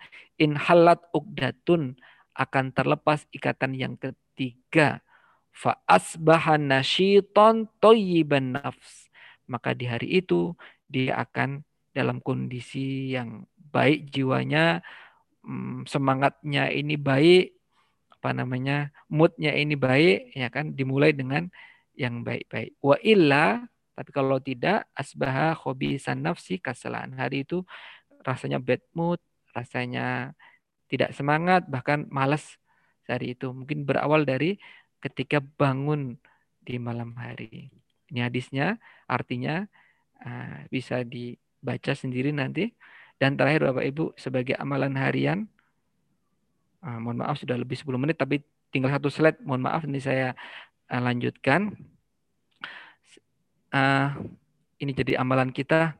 Barangkali kalau kita ini memang nggak kuat bangun, emang lelah sekali, belum sempat sholat sebelumnya, ini jadikan amalan Bapak Ibu. Nah, nah kalau kita ini bangun di malam hari, apa namanya kita ingat dan berdoa La ilaha illallah wahdahu la syarikalah. Lahul mulku wa hamdu wa ala kulli syai'in qadir. Subhanallah walhamdulillah wa la ilaha illallah wallahu akbar wa la haula wa la quwata illa billah. Ditambah Allahumma gfirli. Atau berdoa apa pun, kalau dia berdoa, ya atau berdoa apa pun, fa in tawaddoa wa shalla kubilat tuh Ya kan? Yang pertama, ini mendapatkan ampunan dengan doa tadi itu. La ilaha illallah wahdahu la syarikalah lahul mulku wa lahul hamdu wa ala kulli syai'in qadir. Subhanallah walhamdulillah wa la ilaha illallah wallahu akbar wa la haula wa la quwata illa billah. Allahumma gfirli atau rabbi gfirli itu mendapatkan ampunan dengan doa itu. Apalagi kalau dia berwudu atau sholat kubilat sholatuhu. Maka akan diterima sholatnya. Maka kita, agar kita sholat kita diterima oleh Allah, ini di antara salah satu amalan uh, ringan yang bisa kita kerjakan. Baca doa ini dulu, bangun tidur, baca doa ini. Kemudian wudhu kita, sholat kita akan diterima oleh Allah Subhanahu wa Ta'ala. Alhamdulillah Bapak Ibu, uh, eh, 15 kebiasaan Nabi selanjutnya sudah kita baca di kesempatan malam hari ini kebiasaan yang ke-11 sampai yang ke-15. Mudah-mudahan ada manfaatnya. Wallahu alam bisawab wa sallallahu ala nabiyyina Muhammad nasrun minallahi wa fathun qarib wa basyiril mu'minin. Wassalamualaikum warahmatullahi wabarakatuh. Waalaikumsalam warahmatullahi wabarakatuh. Alhamdulillah kami ucapkan terima kasih kepada Ustadz Anang Fatur Rahman yang telah menyampaikan materinya mengenai kebiasaan Nabi Muhammad SAW yang ke-11 sampai ke-15 pada malam hari ini. Semoga materi yang telah beliau sampaikan dapat menjadikan bekal bagi kita dan dapat kita amalkan dalam kehidupan sehari-hari kita. Amin. Um, memasuki acara selanjutnya yaitu lain-lain. Uh, mungkin jika ada pertanyaan dari Bapak Ibu Saudara jamaah sekalian, uh, bisa memberikan kode angkat tangan melalui Zoom meeting atau bisa langsung dituliskan di kolom komentar. Monggo kami persilakan kepada Bapak, Ibu dan Saudara sekalian jika ada pertanyaan. Oke, uh, kepada Pak Syahrir, nggih, monggo Pak Syahrir jika ada pertanyaan, monggo. Ji, Assalamualaikum warahmatullahi wabarakatuh. Waalaikumsalam warahmatullahi wabarakatuh. Uh, ini kaitannya dengan sholat iftitah, Ustaz Anang.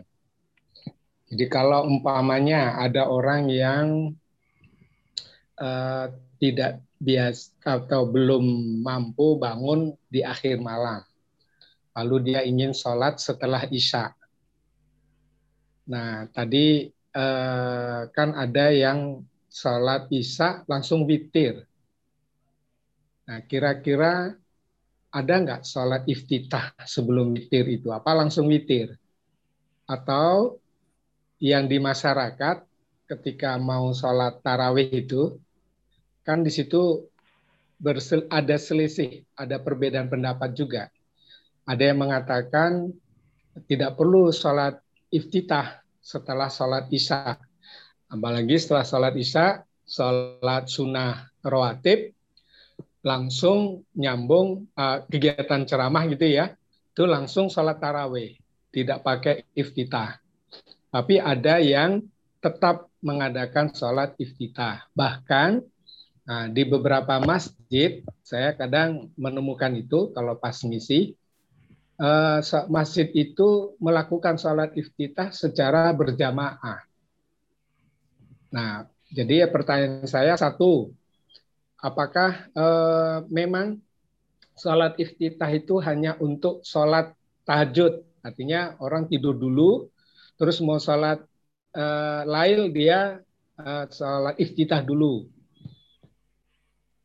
Atau memang sholat iftitah itu dikerjakan setiap mau melakukan sholat tarawih atau uh, tahajud. Baik itu setelah sholat isya maupun dia tidur dulu kemudian baru sholat uh, malam.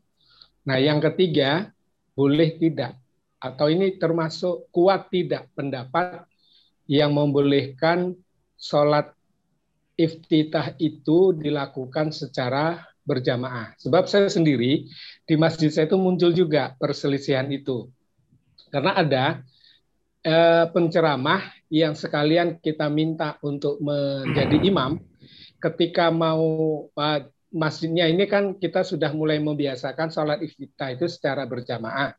Terus imamnya nggak mau, lalu dia keluar sebentar. Pokoknya dia tidak mau melakukan sholat iftitah.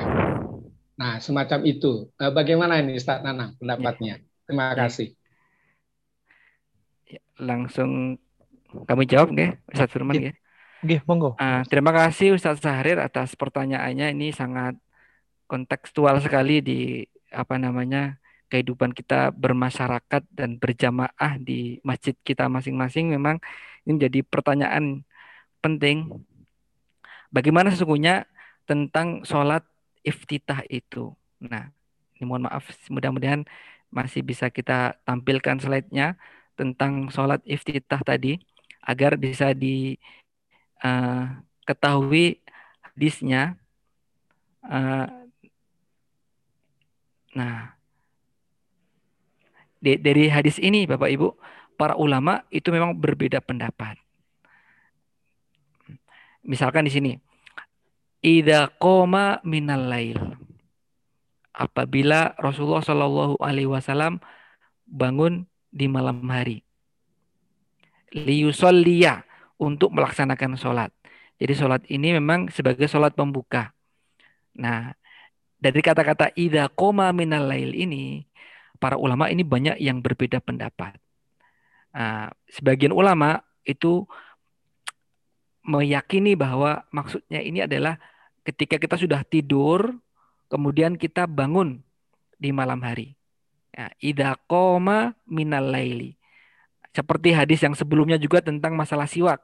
Ida koma minal laili. Apabila bangun di malam hari, ya sufahu bisiwak.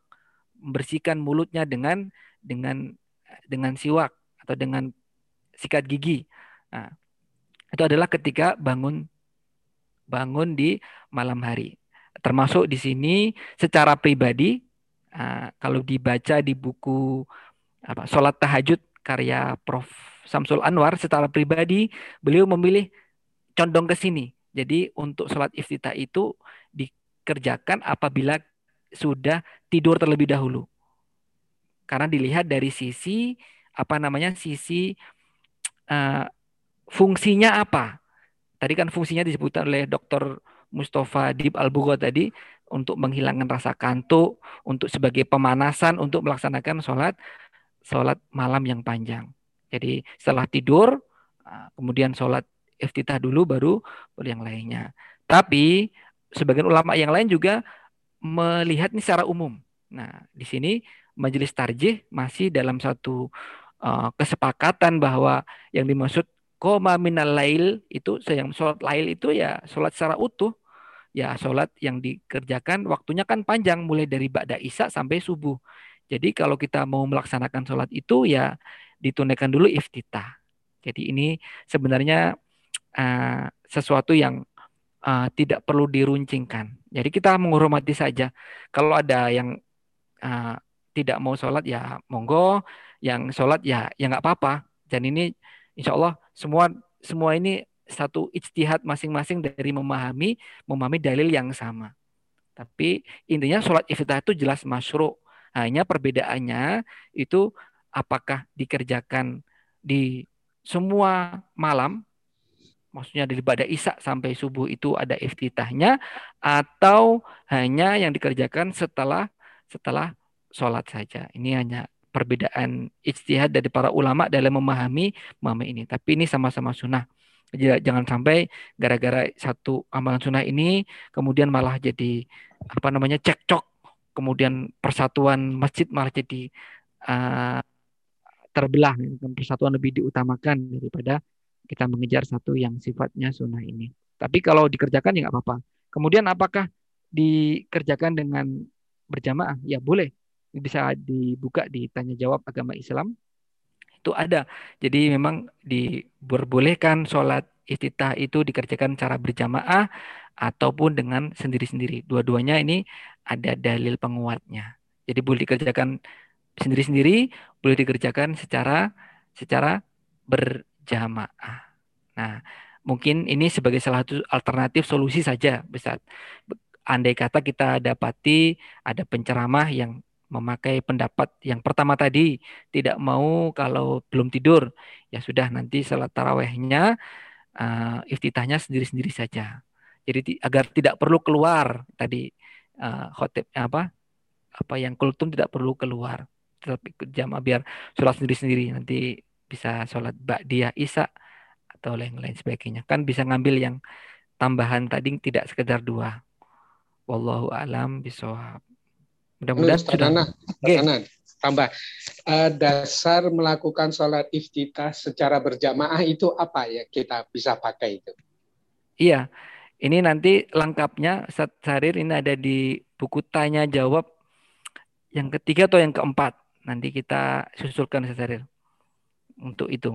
Tapi memang ada Rasulullah SAW itu pernah didapati beliau uh, sholat dalam kondisi sir dan pernah didapati dalam kondisi jahar meskipun di di malam hari karena uh, menjaharkan ataupun mensirkan sholat itu itu masuk dalam kategori sunnah sunnah perbuatan atau sunnah sunnah fi'liyah dalam sholat tidak termasuk wajib sholat apalagi rukun rukun sholat. Andaikan dia meninggalkan itu, maka itu ya tidak tidak masalah.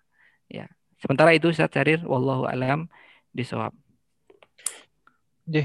Terima kasih Ustadz Anang atas jawaban uh, dari pertanyaan Pak Syahrir tadi. Uh, sebelum menginjak ke pertanyaan yang selanjutnya, di sini saya mengingatkan kembali kepada Bapak Ibu jamaah sekalian yang belum mengisi presensi, bisa langsung mengisi presensi ya sudah tersedia di kolom chat. Dan untuk pertanyaan kami batasi tiga penanya ya. Uh, tadi sudah dari Pak Syahrir yang pertama. Uh, kemudian yang kedua dari Ibu atau Mbak Fatia. Ya, monggo kami persilakan. Iya, terima kasih untuk waktu yang diberikan. Assalamualaikum warahmatullahi wabarakatuh. Waalaikumsalam. Uh, ya, Ustadz Anang mohon izin bertanya uh, terkait dengan sholat qobliyah Ustadz. Uh, yang saya tanyakan, apabila kita melaksanakan sholat, uh, misalnya sholat subuh atau sholat duhur ya yang ada qobliyahnya, dan kebetulan kita melaksanakan sholatnya tidak di awal waktu. Jadi misalnya zuhur kok sudah jam satu gitu ya atau subuh sudah sudah lewat setengah jam dari uh, waktu ikomah misalnya yeah. ikomat.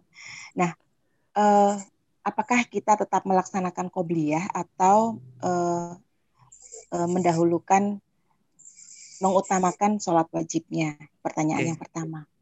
Selanjutnya, Ustadz, yang kedua, apabila kita sholat di rumah, sholat sendiri ya, khususnya untuk kaum perempuan, tadi kan Ustadz menjelaskan bahwa ada waktu yang uh, mustajab, waktu yang bagus untuk berdoa. Salah satunya adalah ketika menunggu ikomah ya dari azan sampai dengan ikomah. Nah, bagaimana untuk kita yang sholat di rumah sendiri? Apakah kita berpedoman kepada azan dan ikomah yang kita dengar dari masjid atau bagaimana? Oke. Dan satu lagi Ustadz, uh, waktu sholat duha yang paling uh, bagus itu di di waktu jam-jam berapa? Karena pernah mendapatkan kajian uh, waktu pagi, tetapi pernah juga mendapatkan kajian waktu uh, siang menjelang waktu zuhur seperti itu.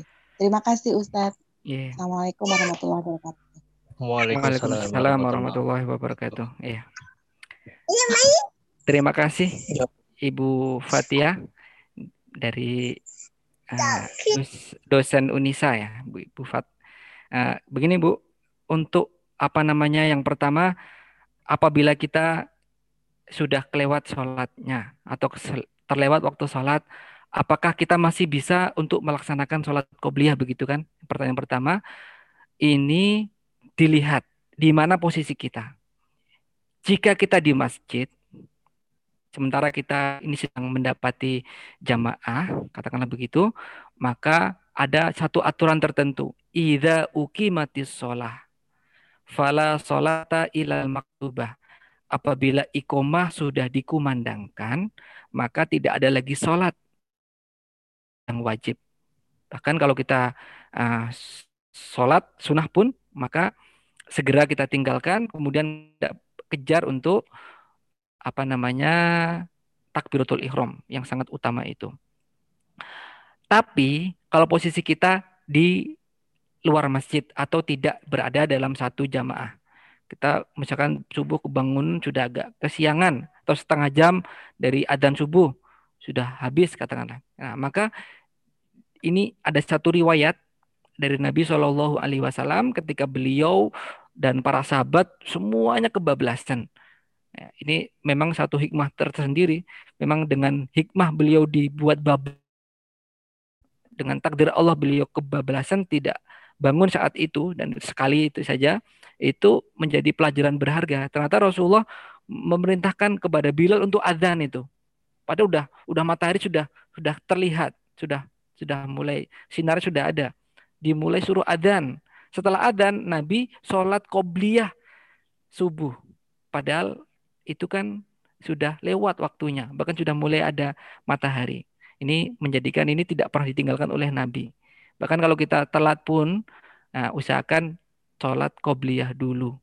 Apalagi kita di luar masjid, misalkan kita di rumah telat, ya sudah kita qobliyah subuh dulu, baru setelah itu sholat sholat subuh. Seperti praktek yang ditunaikan oleh Nabi dan para sahabat. Jadi Nabi ketika telat waktu itu, beliau perintahkan Bilal untuk adzan. Setelah adzan, uh, Rasulullah sholat qobliyah subuh, baru ikomah dan berjamaah sholat subuh yang terlewat tadi.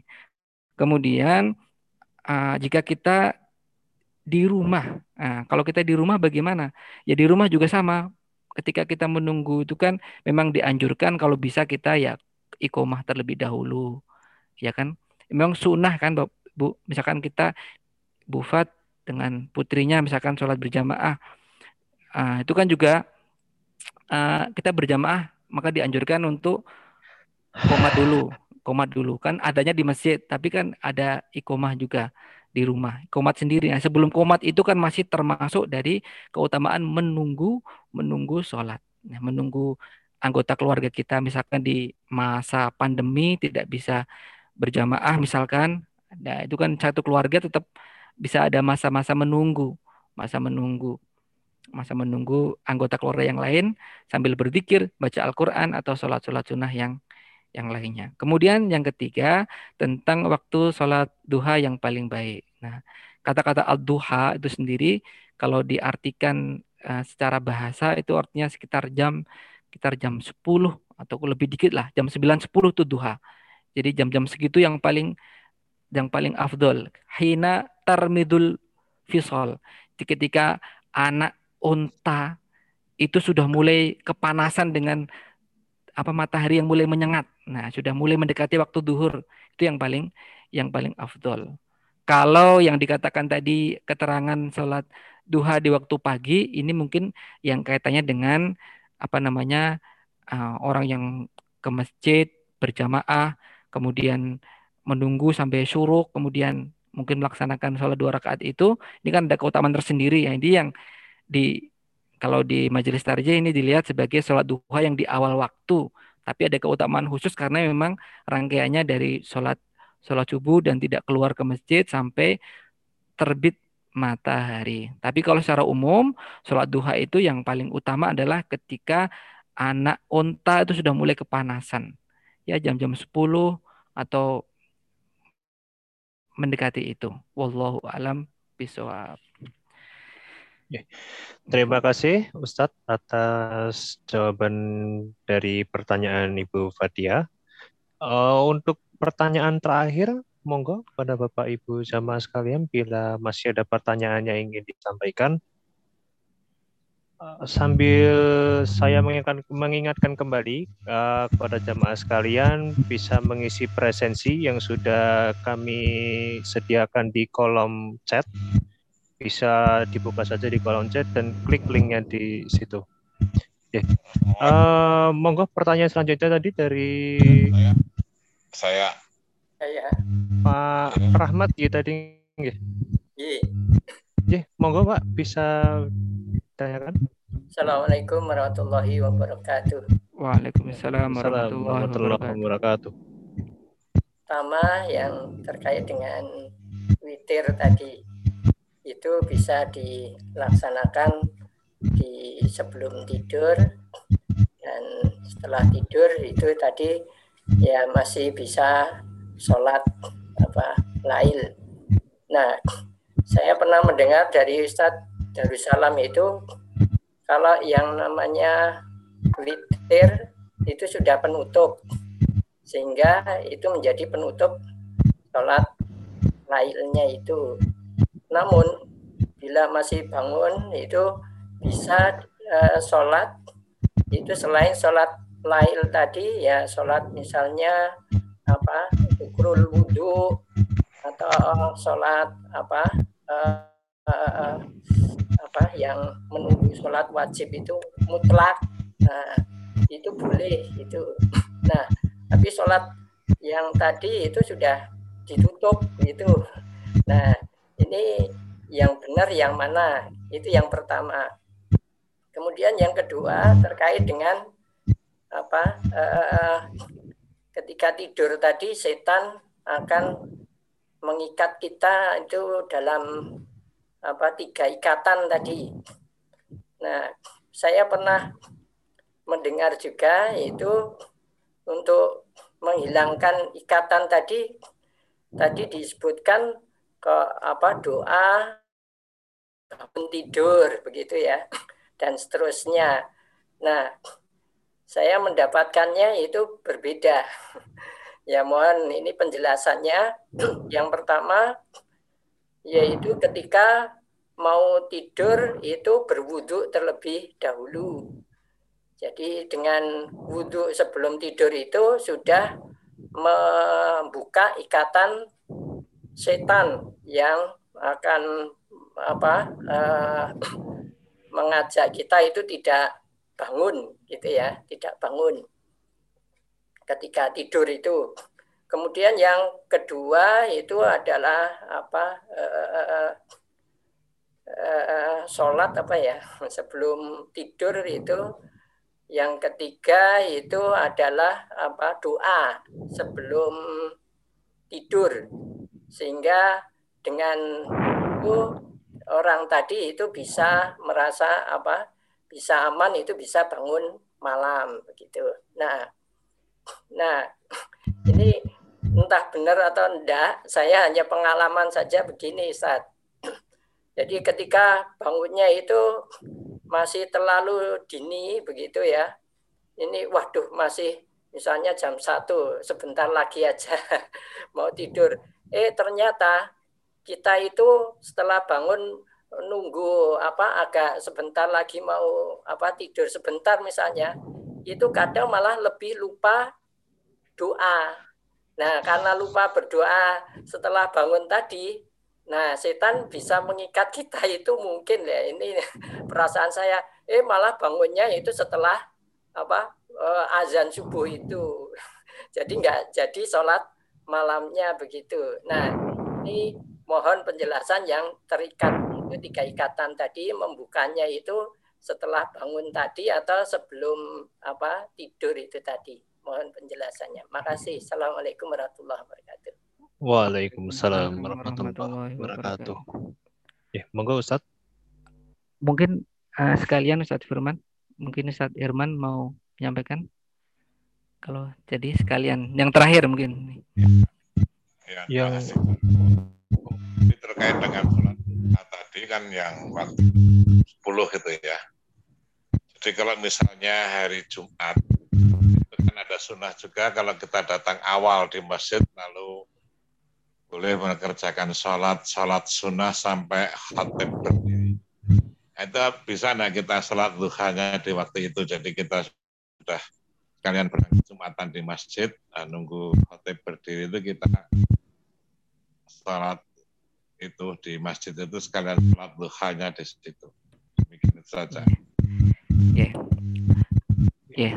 terima kasih Ustadz Rahmat Gunawan dan Ustadz Irman Fuadi uh, yang telah menyampaikan pertanyaannya. Ini menjadi mewakili dari apa namanya kita pada malam hari ini, Insya Allah. Yang pertama tentang sholat witir. Uh, tadi dikatakan bahwa sholat witir itu sebagai penutup, ya. uh, kan ij'alu ya jadikan uh, akhir dari sholat kalian itu witir mungkin ini yang yang dijadikan apa namanya yang dijadikan pedoman. Jadi menganggap bahwa witir itu sebagai penutup ya. Dari sini kita juga sepakat bahwa memang witir itu sebagai penutup. Eh, tapi tapi jika kita ini saat mohon kita pakai analogi sederhana. Misalkan kita contohkan begini. Bapak Ibu, pengajian tadi sudah saya tutup. Sudah sudah mengucapkan salam penutup, tapi masih diberi kesempatan kepada Bapak Ibu yang ingin bertanya, masih diberi kesempatan. Nah, penutupnya ini bisa di awal, tapi masih bisa bisa dilanjutkan. Ini penguatnya apa? Penguatnya adalah hadis yang Nasai tadi. Muad bin Jabal itu sholat bersama Nabi sampai selesai witir. Nah, kemudian pulang mengimami kaumnya. Kemudian juga sholat sholat lagi, tapi tidak witir karena tidak ada dua witir dalam satu malam. Ada penutupnya di awal, boleh saja dilanjutkan untuk sholatnya. Insya Allah tetap bisa sholat, sholat, sholat lail. Karena sholat apa pun yang dikerjakan sampai waktu subuh, itu masih disebut dengan sholat sholat lail. Ya, sholat lail karena dikerjakan di di malam malam hari. Sholat tahajud masih masih termasuk di situ. Kemudian tentang eh, setan mengikat dengan tiga ikatan nih yang kita sampaikan tadi hadisnya Bukhari Ustaz. Jadi ini insya Allah sahih eh, tentang ikatan setan itu akan lepas pertama dengan dikir ingat kepada Allah, yang kedua dengan cara berwudu, yang ketiga adalah dengan melaksanakan sholatnya. Ini tiga ini dikerjakan setelah bangun tidur, bukan sebelum tidur. Kalau sebelum tidur memang ada keutamaan tertentu, misalkan berwudu, menjadikan malaikat itu bersama dengan kita di waktu tidur, itu juga ada keutamaan. Tapi bukan melepas ikatan. Melepas ikatan itu setelah kita terjaga dari tidur kita, kemudian berzikir. Satu, yang kedua adalah wudhu, yang kedua, yang ketiga adalah uh, sholat. Ini bisa nanti kita share untuk PowerPoint-nya bisa dilacak di hadis Bukhari tersebut. Dan yang ketiga yang terakhir dari Ustadz Irman Fuadi tadi uh, tentang sholat duha boleh nggak dikerjakan di masjid ketika menunggu? Ya boleh boleh saja. Karena memang sholat duha itu minimal dua rakaat maksimal itu para ulama berbeda. Ada yang mengatakan uh, jumhur mengatakan delapan rakaat. Uh, Hanafi itu mengatakan 12 rakaat. Karena Rasulullah pernah sholat uh, eh, barang siapa yang sholat 12 rakaat banallahu lahu baitan fil jannah. Meskipun ada kelemahan dalam riwayat ini. Dalam hadis yang lebih kuat Rasulullah Shallallahu Alaihi Wasallam sholat ketika Fathu Makkah itu di rumah beliau itu sholat 8 rakaat. Hadisnya kuat, tapi penjelasannya itu kan uh, tidak membatasi, hanya yang dikerjakan Nabi waktu itu sebanyak 8 rakaat. Tapi yang sering dikerjakan Nabi itu empat rakaat untuk sholat untuk sholat duha. Sebagian ulama lain mengatakan bahwa sholat ini sesungguhnya tidak dibatasi jumlah. Berapapun kita mampu mengerjakan kita kita kerjakan. Nah, berbeda dengan sholat intidor tadi. Ketika menunggu imam itu datang, khotib datang, kita bisa sholat ya, sebanyak yang kita bisa kita kerjakan. Boleh dengan niat intidor, boleh juga dengan melaksanakan niatnya sholat sholat duha. Wallahu alam bisawab. Saya kira demikian. Wallahu alam bisawab. Matur nuwun Ustaz Firman. Yeah. Terima kasih Ustadz Anang Patroman atas jawaban dari pertanyaan dari Bapak Rahmat dan Bapak Herman Fuadin. Ya. Uh, untuk Bapak Ibu jamaah sekalian, jika masih ada pertanyaan nanti di pertemuan yang selanjutnya dengan Ustadz Anang Patroman bisa ditanyakan kembali pada pertemuan yang selanjutnya. Ya mengingat waktunya juga sudah menginjak dua jam 21 lebih 41 menit ya sudah lebih setengah sepuluh. Uh, oh, memasuki acara yang selanjutnya yaitu penutup. Namun sebelum ditutup uh, kami sampaikan terima kasih kepada usaha Nafatur Rahman yang telah materi dan menyampaikan materinya pada malam hari ini dan kami sampaikan terima kasih juga kepada Studio Muin TV yang telah menyiarkan secara langsung kajian Pekan Muhammadiyah Sedayu pada malam hari ini. Uh, saya Firman selaku membawa acara pada malam hari ini memohon maaf apabila selama saya memandu kajian pada malam hari ini terdapat kesalahan kata maupun perbuatan, saya mohon maaf yang sebesar-besarnya. Marilah kita akhiri kajian pada malam hari ini dengan mengucap hamdalah dan doa penutup majelis bersama-sama. Alhamdulillahirabbil alamin. Subhanakallahumma wa bihamdika asyhadu an la ilaha illa anta astaghfiruka wa atubu ilaik. Ya. Yeah. Uh, terima kasih sekali lagi kepada Ustaz Anna Fatur Rahman dan juga kepada Studio Muin TV dan seluruh uh, Bapak Ibu jamaah kajian Pekan Muhammadiyah Sedayu yang telah berpartisipasi dalam uh, kajian pada malam hari ini. Uh, kami sampaikan juga uh, kepada Bapak Ibu jamaah sekalian untuk informasi mengenai kajian ini bisa dipantau melalui akun Instagram Lazis Musdayu. Yeah. Uh, terima kasih. Billahi taufik wal hidayah. Fastabikul khairat. Wassalamualaikum warahmatullahi wabarakatuh. Waalaikumsalam warahmatullahi wabarakatuh.